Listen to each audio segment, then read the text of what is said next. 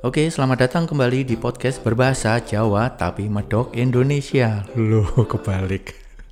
Podcast berbahasa Indonesia tapi medok Jawa gitu loh.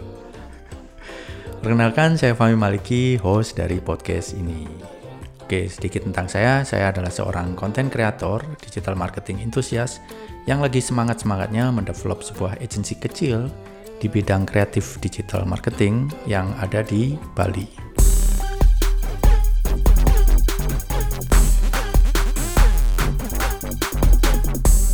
Oke, episode ketiga judulnya kerjaan graphic designer itu apa? Kalau dari definisinya ya, graphic designer itu apa ya? E, seorang perancang, perancang kayak perancang busana gitu kan, fashion designer. Nah kalau graphic designer itu e, perancang grafis, ya kan, graphic designer, perancang grafis, perancang visual gitu, gitu. Jadi apa-apa yang bisa dinikmati oleh mata itu bagiannya graphic designer ini tugasnya gitu. Nah terus profesi ini itu apa ya istilahnya menciptakan ilustrasi, menciptakan apa ya olah teks, tipografi, fotografi atau mungkin yang mempunyai kemampuan lebih yang tingkatnya udah advance atau master itu bisa motion grafis, gambar bergerak gitu beda kayak video ya. Ya bisa tergolong video juga sih tapi motion grafis itu lebih grafik yang bergerak gitu loh bro. Terus eh, tanggung jawabnya berarti ya ketampilan otomatis. Sebagai seorang desainer sebagai seorang perancang grafis artinya kita harus bertanggung jawab dengan eh, karya kita berupa grafis berupa visual. Itu harus terlihat bagus. Kalau bagus kan relatif ya kan? Relatif ada orang ngomong bagus ada ngomong jelek. Tapi gimana caranya visual yang kita rancang itu bisa diterima oleh at least 80% audiens kita. Penikmat pesan yang kita sampaikan secara visual itu loh. Harus bisa diterima oleh pasar kebanyakan gitu loh. Gimana ya ngomongnya?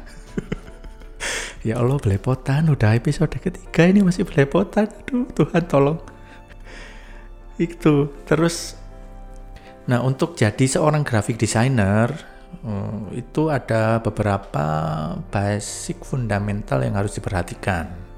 Ya, yang pertama, kalau bisa nggak buta warna, kalau bisa. Tapi kan kita nggak pernah bisa milih apa yang dikasih Tuhan ya. Kalau mungkin teman-teman yang menderita buta warna, ya masih bisa meskipun hmm, ada hambatan lah untuk pemilihan warna seperti itu. Tapi buat teman-teman yang normal bersyukur. Jadi itu masuk ke fundamental skill basicnya. Nggak buta warna dulu.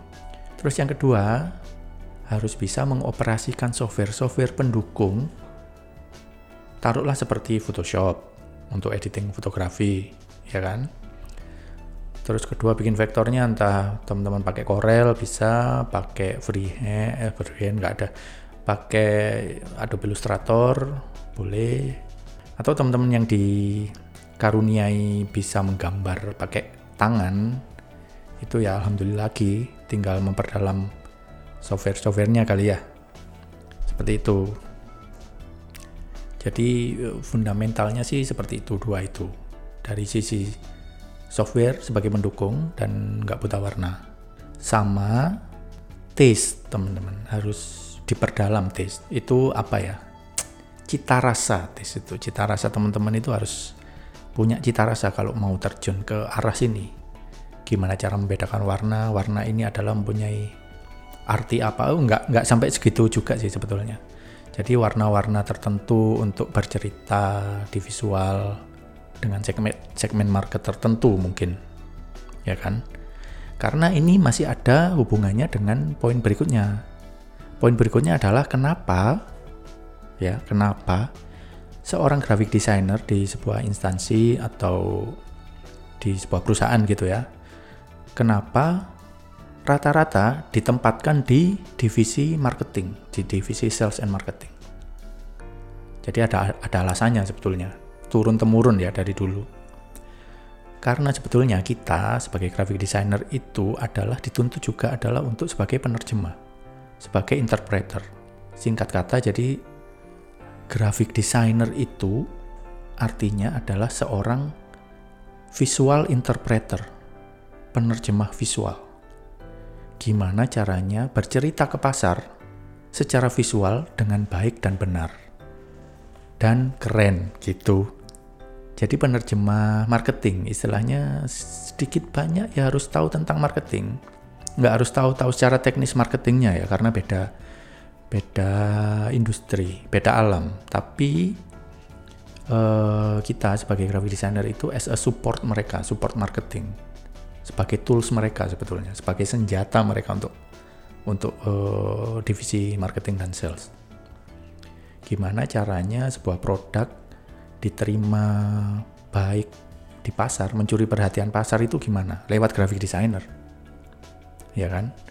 Gimana caranya seorang penerjemah visual ini menerjemahkan sebuah produk dibungkus dengan bungkusan visual yang keren, kemudian diceritakan ke pasar, dilempar ke pasar. Kan seperti itu alurnya. Ya kan? Saya ambil contoh lah. E, sebetulnya kita ini di perusahaan saya kita lagi ada pilot project. Pilot project kita membuat sebuah produk kecantikan berupa sabun batang. Enggak usah sebut merek ya. Tapi akan segera meluncur ke pasaran di sebulan dua bulan inilah. I hope sebulan dua bulan ini. Jadi sebelum ini kita tinjau dulu dari sisi marketer dulu ya, dari sisi marketing dulu.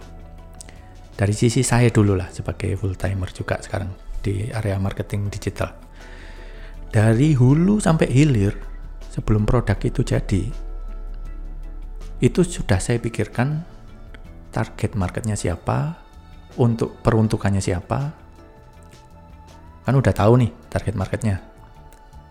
Dari sisi produk kecantikan ini, target marketnya taruhlah female, perempuan yang kebanyakan ya, nggak menutup kemungkinan juga male karena kita ada produk yang untuk khusus untuk cewek dan uh, unisex.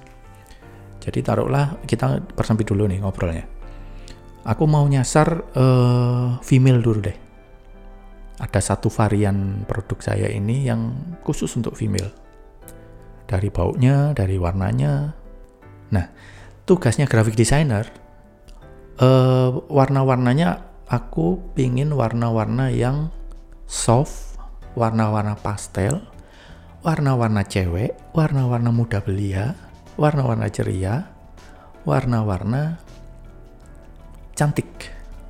Ya kan? Karena cewek nih. Kalau cewek kan nggak lepas dari kata-kata cantik, ya kan? Orang Instagram aja bisa uploadnya lebih lama untuk mempercantik diri sebelum upload ya kan? Biasanya kan gitu kalau cewek.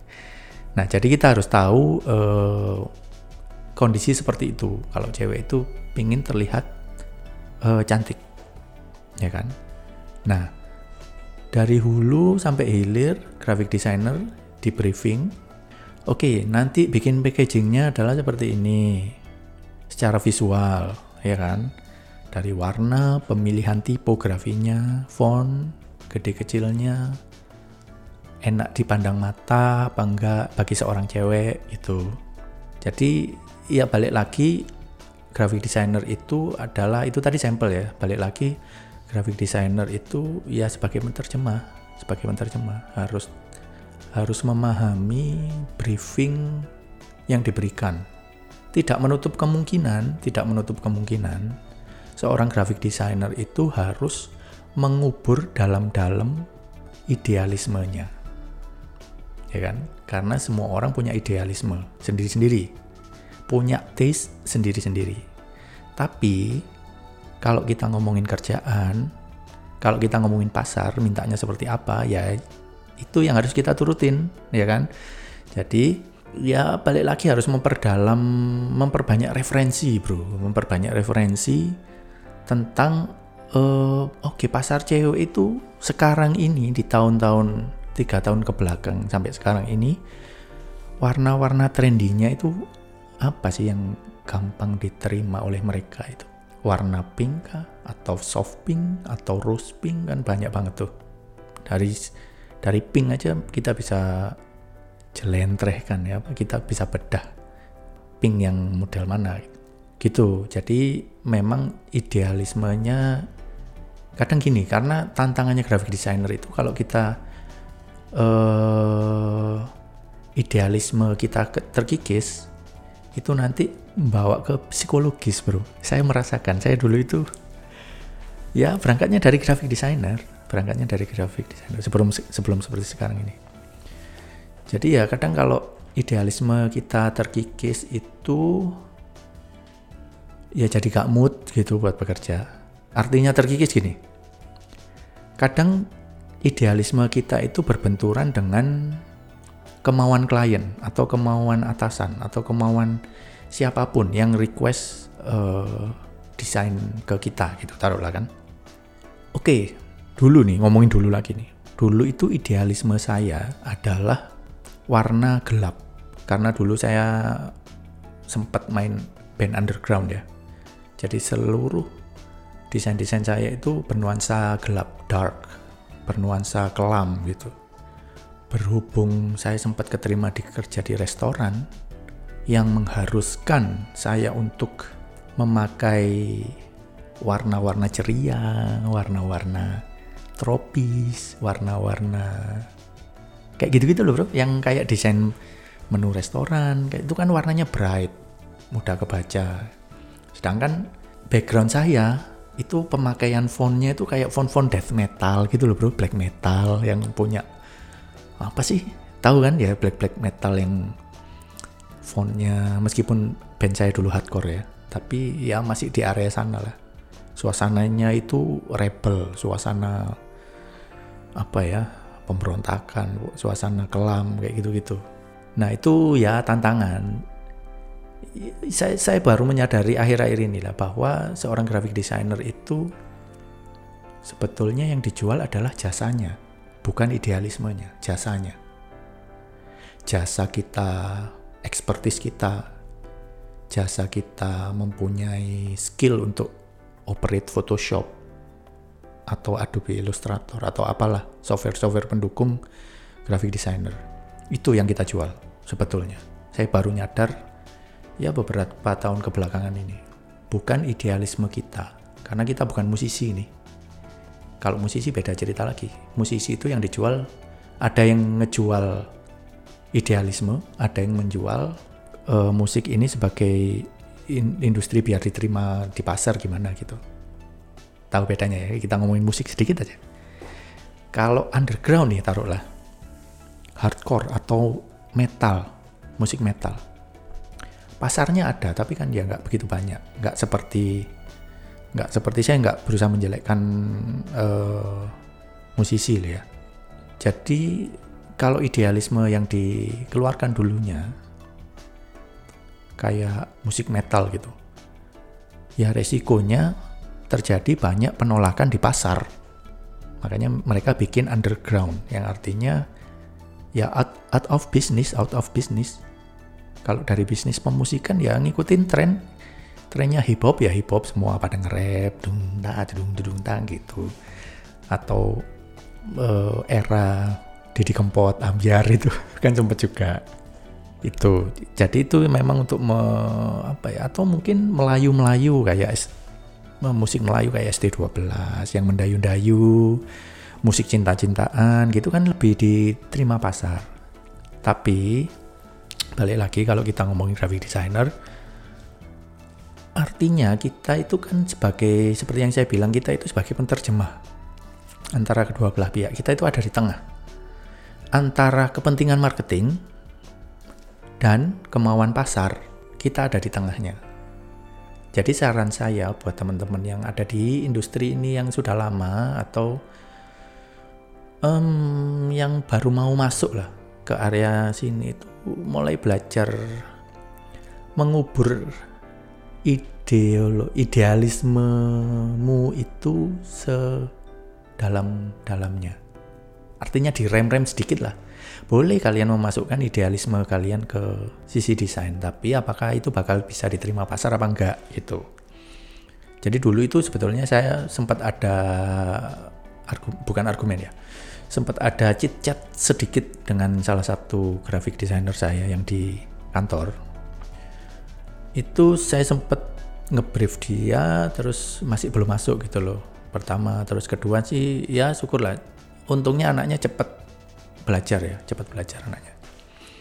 Jadi antara gimana caranya sebuah desain itu bisa diterima di pasar udah itu aja cukup.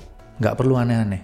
Loh mas ini kok kayak template yang sudah ada beredar di internet ya? Sempat seperti itu tapi ya nggak ada salahnya. Per, punya pikiran seperti itu nggak salah sama sekali. Tapi saya berusaha membalik berusaha apa ya me, menaruh di jalur yang tepat yaitu di marketing. Gimana caranya? Nggak apa-apa nggak apa-apa. Kamu men-layout dan desain seperti template. Karena yang ada di pasar itu kenapa bertebaran di Google dan di Pinterest apa segala macam? Karena yang diminatin pasar itu sekarang ya itu bro. Jadi kita harus bisa adaptasi bisa mengadopsi desain-desain mereka yang beredar yang tren sekarang ini menjadi sebuah visualisasi marketing yang bisa diterima di pasar dengan utuh. Karena balik lagi kalau kita ngomongin marketing itu adalah kita itu bakal didengar oleh pasar. Kalau kita berbicara di bahasa yang sama. Artinya bahasa yang sama itu eh, bahasa ketertarikan yang sama dari pewarnaan, dari pemilihan font itu menarik gitu loh. Jadi kalau memang beredar template-template seperti itu ya lagi high demand, kita nggak bisa ngelawan arus yang gede gitu. Sometimes kita nggak bisa ngelawan. Kalau mau ngelawan arus gede ya ada wadahnya sendiri. Mungkin di sisi luar bisnis. Karena balik lagi, meskipun saya itu masih idealisme saya itu masih tinggi juga di area kreatif ini loh. Kepingin rasa pemberontakan itu masih apa ya? Masih pingin ngedesain ngedesain yang suasana kelam kayak gitu, ke bawah ke bawah dulu gitu loh. Ada hasrat yang kok hasrat?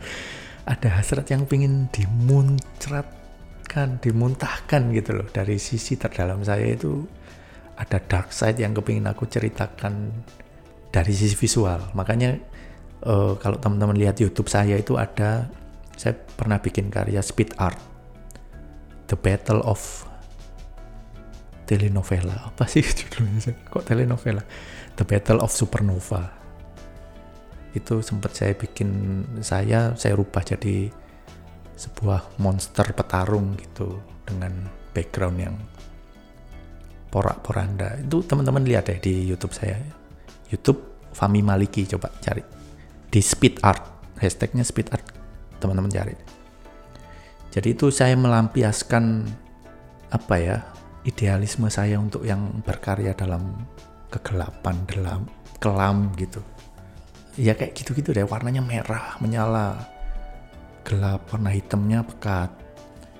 Terus nggak ada warna-warna yang cerah-cerah gitu nggak ada bro. Ya karena bukan bukan peruntukan pasar ada pasarnya pasar kelam gitu. Ya ada ada semua ada. Semuanya itu punya pasar sendiri-sendiri. Cuma kalau yang uh, idealisme saya pasarnya ya kecil nggak mungkin sebuah produk kosmetik saya masukkan unsur kelam bro. Nggak laku bro produknya bro. Kan kayak gitu. Jadi memang balik lagi ya uh, graphic designer itu yang dijual jasa bro. Kita itu per, penyedia jasa kita itu bro. Jadi yang dijual ya jasanya bukan jualan barang kita. Nggak jualan handphone nggak jualan nggak jualan rokok nggak jualan beras nggak jualan gula. Ya jasa apa yang kita punya apa yang pernah kita pelajari bertahun-tahun, apa yang kita tahu tentang software, itu yang kita jual ke klien, itu yang kita jual ke perusahaan atau atasan kita. Jadi itu itu ya alasannya kenapa rata-rata seorang graphic designer itu ditempatkan di divisi sales dan marketing. Dan itu saya mencoba adaptasi juga di perusahaan saya yang coba saya bangun ini ada di bawah kontrol marketing. Jadi saya harapkan juga nanti nantinya uh, semua tim yang pernah satu tim sama saya itu bisa belajar banyak di ruang lingkup lain. Anak marketing bisa belajar grafis, anak grafis juga bisa belajar uh, marketing. Jadi saling silang. Saya sih ya tujuannya pembelajaran dari uh, dari teman-teman satu tim itu pembelajaran. Gimana caranya nanti setelah lulus dari perusahaan saya itu sudah nggak perlu dipertanyakan lagi gitu loh bro. Masalah taste masalah experience masalah expertise masalah skill. Saya harapkan sih ya bisa lebih berkembang di sana gitu loh. Karena nggak menutup kemungkinan nanti ya perusahaan saya kan agency nggak menutup kemungkinan nanti tim saya ada yang cabut terus kerja di perusahaan besar kita jadi kerjasama atau seperti itu jadi profitnya itu nggak sekarang yang saya tanamkan. Tapi memang ya saya berusaha mengedukasi teman-teman, termasuk saya sendiri pun masih uh, banyak belajar juga dari teman-teman gitu. Merembet lagi ya percakapannya. Itu terus uh, basic fundamental tadi itu ya nggak buta warna, nggak apa menguasai beberapa tools penunjang graphic designer, softwarenya. Terus mengerti sedikit tentang marketing, terus tahu bercerita ke siapa nantinya ini, entah brosur, entah menu, entah uh, tampilan web itu bakal siapa ini audiensnya, penontonnya siapa, kita harus tahu. Sebagai sebagai desainer perancang ini harus tahu biar at least 80% audiens itu bisa mendapatkan pesan yang kita ingin ceritakan gitu loh bro ya kan Gitu. Jadi itu sih basic-basic yang harus di apa ya, yang harus diperkuat, yang harus diperkuat buat teman-teman yang ada di area ini dan teman-teman yang mau masuk ke area sini gitu. Terus uh, apa ya? Wajib hukumnya seorang graphic designer itu uh, ngikutin tren, Bro.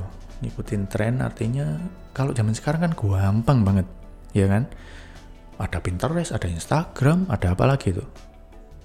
untuk mengasah tren kita loh ya, eh, untuk untuk sorry untuk memperdalam tren pasar. Artinya balik lagi ya kita sebagai menerjemah kan ya harus tahu kita bercerita ke siapa ya kan, trennya seperti apa. Kita perbanyak deh referensi itu dari mana pun lah. Dari referensi itu pasti kita mempunyai kementokan. Apa ini bahasanya kementokan? Kita pasti mentok gitu loh. Pada saat kita lihat referensi, waduh, desain ini kok bagus ya. Gimana caranya bikin ini? Nah, dari situ kita bisa memperdalam skill, bro. Entah skill 3D-nya, entah skill apanya gitu. Based on referensi. Kalau aku sih seperti itu. Aku cari referensi begitu mentok, ini dia bikinnya pakai apa ini ya? Setelah difoto kok bisa keluar ini, bisa kayak gini, gimana caranya ya? dari situ kita nyari problem solvingnya bro. Problem solvernya seperti apa? Itu teknikku untuk memperdalam uh, sisi ngedesain ya. Gitu. Terus uh, seorang graphic designer itu apakah butuh untuk mempelajari fotografi dan videografi ya jelas lah ya iyalah zaman sekarang bro kalau zaman dulu sih nggak terlalu ya. Karena di industri kreatif itu mengalami pergeseran, Bro. Kalau di di di di, di audiensnya ya. Audiens sekarang itu lebih tertarik di visual dan audio. Artinya kalau kita cuma menyuguhkan grafis ya belum tentu menarik juga. Belum tentu menarik. Gimana caranya lebih membuat mereka lebih tertarik lagi kepada cerita kita, ya kita tambahin audio lah. Kita tambahin gambarnya yang diem, sekarang bergerak. Gimana caranya? Entah videografi, entah motion grafis, entah apa ya kayak infografis mungkin. Dikasih suara, dikasih musik, dikasih VO, voice over gitu kan. Jadi memang ada pergeseran. Kalau kalau kita lihat dari kacamata marketing ya, jadi hampir lebih dari 50% uh, eh, story yang kita sampaikan ke audiens itu yang berhasil adalah story yang berupa uh, audio visual bisa video ya seperti yang saya katakan tadi ya. Makanya di Instagram ada story ya kan yang bisa ngerekam video ada live live feed bisa kayak gitu-gitu. Dan graphic designer sekarang itu boleh dikatakan as a content creator penyedia konten content provider. Artinya ya memang shifting bro. Uh, ya saya harapkan sih bisa bergeser ke arah sana ya. Belajar video dan gampang gitu loh. Dari aplikasi handphone pun sekarang kita bisa editing video secara instan ngambil fotonya itu juga bisa dari handphone bro. Nggak kayak dulu yang harus scan gambar. Lebih gampang sekarang ini. Tinggal kemauan balik lagi ya. Tinggal kemauan kita mau nggak belajar mempelajari memperdalam gitu loh. Gitu. Makanya di kantor saya itu balik lagi ya. Jadi kantor saya ini jadinya. Uh, posisi graphic designer itu titlenya bukan graphic designer tapi as a creative designer karena saya berharap banyak seorang kreatif designer ini lebih menggali lagi potensial kreatif yang ada di dalam dirinya, entah itu videografi, entah itu 3D, entah itu apa pun yang menunjang kreatif untuk merancang sebuah kreatif, uh, kreatif uh, hasil karya kreatif. Itu saya harapkan sih ke sana. Saya harapkan sih arahnya ke sana. Saya arahkan ke sana. Karena memang industrinya makin ke sini tuh makin makin ketat bro. Kalau cuma belajar Photoshop dan gambar-gambar nggak bergerak gitu kok kayaknya ya kurang gitu loh. Dari sisi dari sisi jenjang profesi itu juga saya harapkan nantinya teman-teman yang lulus dari perusahaan saya ini bisa bekerja di perusahaan yang lebih gede lagi. Otomatis tantangannya lebih gede lagi artinya kalau tantangan lebih gede lagi kita juga harus dibekali dengan skill yang mumpuni juga itu chain reaction bro reaksi berantai. Jadi ya memang harus dipersiapkan dengan kondisi yang sekarang ini. Jadi perbanyak referensi terus ya perdalam skill. Dan satu lagi kalau bisa ya teman-teman itu bisa hidup di dua alam alam itu yang nyanyi Mbah Dukun itu loh adiknya Fetty Vera Bukan, bukan. Hidup di dua alam itu artinya di dua ekosistem bro. Sekarang yang ekosistem yang paling gede itu kan Microsoft sama Apple. Saya harapkan teman-teman itu ya mempelajari dua-duanya. Kalau kerja di Apple itu seperti apa sih tombol-tombolnya? Tampilannya seperti apa sih? Kalau di Windows itu seperti apa sih? Tombolnya, mouse-nya, trackpad-nya mungkin ingin membawa apa ya mempersiapkan taruhlah contohnya graphic designer saya juga lah kreatif designer saya dulu itu dia sempat request awal-awal masuk ya minggu-minggu pertama itu dia sempat request e, mas boleh nggak ini keyboardnya saya remap remap ya bahasanya lupa saya. Boleh nggak saya remap ini mas? Saya kok agak kesusahan ya kontrol kebiasaan pakai jari telunjuk. Eh jari apa ya? Saya udah lama nggak pegang Windows soalnya. Ya itulah pokoknya. Eh, saya kasih kebebasan. Lo ya silakan silakan silakan. Cuma ada resikonya. Resikonya adalah nanti pada saat kamu keluar dari sini tentunya ya perusahaannya kan dia lebih gede dari saya. Kita nggak pernah tahu dia itu pakai Windows atau pakai Mac eh, Macintosh ya kalau jadi kalau saran saya biarin adanya lah ekosistem Apple ini. Kamu yang harus menyesuaikan ekosistemnya. Jangan ekosistemnya kamu bawa ke duniamu. Itu cuma saran. Tapi saya balikkan lagi. Terserah mana yang bagus buat kamu asal bisa membantu pekerjaanmu. Jadi memang jangan terpaku oleh ekosistem. Mereka itu cuma tools cuma supporting kita. Yang kerja itu kita. Kalau kita merasa disulitkan dengan pekerjaan itu ya ya udah kita kalau kita nggak bisa masuk ke ekosistem baru ya udah kita rubah. Cuma memang ada efek sampingnya. Efek sampingnya pada saat uh, teman-teman masuk ke ekosistem Apple yang sebenarnya nggak bisa menerima dan nggak semua perusahaan bisa memperbolehkan seperti itu. Saya cuma berusaha mengedukasi sih. Saya ya semoga nggak salah terima ya graphic designer saya. Tapi sudah saya sempat utarakan lah masalah hal ini. Jadi itu itu ya teman-teman. Ya, bisa bisa uh, hidup di dua alam. Bisa hidup di, di, di dua, dua ekosistem gitu loh. Jadi di mana pun teman-teman bekerja itu udah siap nggak harus belajar lagi nggak harus. Kayak nyetir gitu loh bro. Nyetir uh, mobil Jepang sama mobil Eropa kan beda tuh lampu sainnya kalau di Jepang kanan. Kalau BMW sama Mercy itu di kiri semua. Wipernya yang di kanan biasanya. Biasanya kalau saya pinjem mobil temen yang Eropa gitu bolak-balik mau belok itu ngidupin wiper mah soalnya tombolnya ada di kiri buat buat sign apa rating rating rating kiri kanan itu ngasih sign.